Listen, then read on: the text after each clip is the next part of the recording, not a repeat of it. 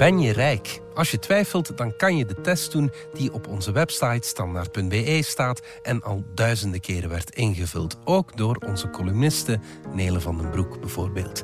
En nee, rijk is ze niet. Toch maakt ze platen, schrijft ze succesvolle columns en een dito roman.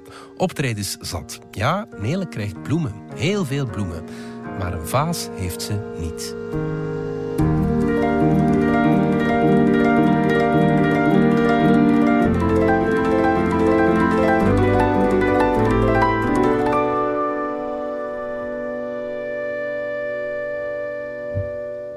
Bloemen zonder vaas. Ik kreeg bloemen na een optreden. Lap. Ik kom met de trein, met mijn ukulele en een stapel boeken in een boodschappencaddy. Dan neem ik nog een rugzak mee waarin ik mijn podiumkledij met bijpassende schoenen steek, want u moet niet denken dat ik in mijn showkostuum op de trein ga zitten eyeliner, foundation, mascara, lipstift, blush. Al wat ik nodig heb om backstage nog snel een aanvaardbaar en niet te vermoeid vrouwengezicht op het mijne te schilderen, gaat ook de rugzak in. Nog een paar vinylplaten en cd's in de caddy voor het geval iemand die toch nog zou willen kopen, je weet maar nooit. Om maar te zeggen, ik ga zwaar geladen naar zo'n concert. Laat me hier toch even de tijd nemen om te pleiten voor het belang van een goede boodschappencaddy. Beste aankoop van mijn leven. Neem het van mij aan, een trolley is een van die dingen waar je echt niet op mag besparen. Ooit kocht ik een caddy van 20 euro, die wiebelde en liet het na twee reizen afweten. Toen investeerde ik de volle 75 euro in een hoogwaardig model en sindsdien loopt mijn leven op wieltjes. De duurste caddy is nog altijd oneindig goedkoper dan de goedkoopste auto, denk ik dan. Maar dan krijg ik dus bloemen.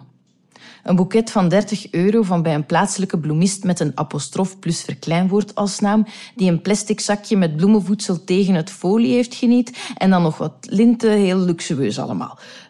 Maar met welke extra hand zal ik die naar huis dragen? Ik heb die caddy al en die rugzak en ik moet rol en andere trappen op terwijl ik de route opzoek op mijn telefoon. Die bloemen krijg ik er echt niet meer bij. Meestal geef ik ze weg aan een toevallige passant in het station.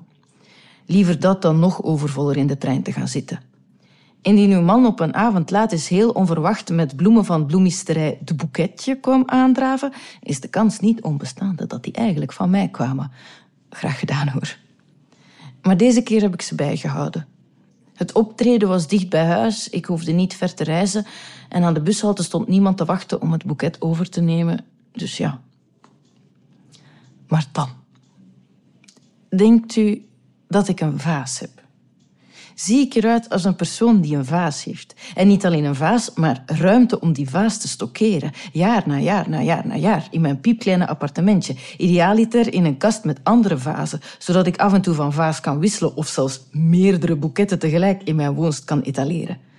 Nee, trouwe luisteraar, die persoon ben ik uiteraard niet. Ik ben volstrekt vaasloos. Dus zet ik de bloemen in mijn cafetière. Ze passen precies. Morgen maak ik dan wel koffie in de mokkapot, bedenk ik. Want in tegenstelling tot fase heb ik natuurlijk wel meerdere koffiemakers. Ook dat is volstrekt voorspelbaar.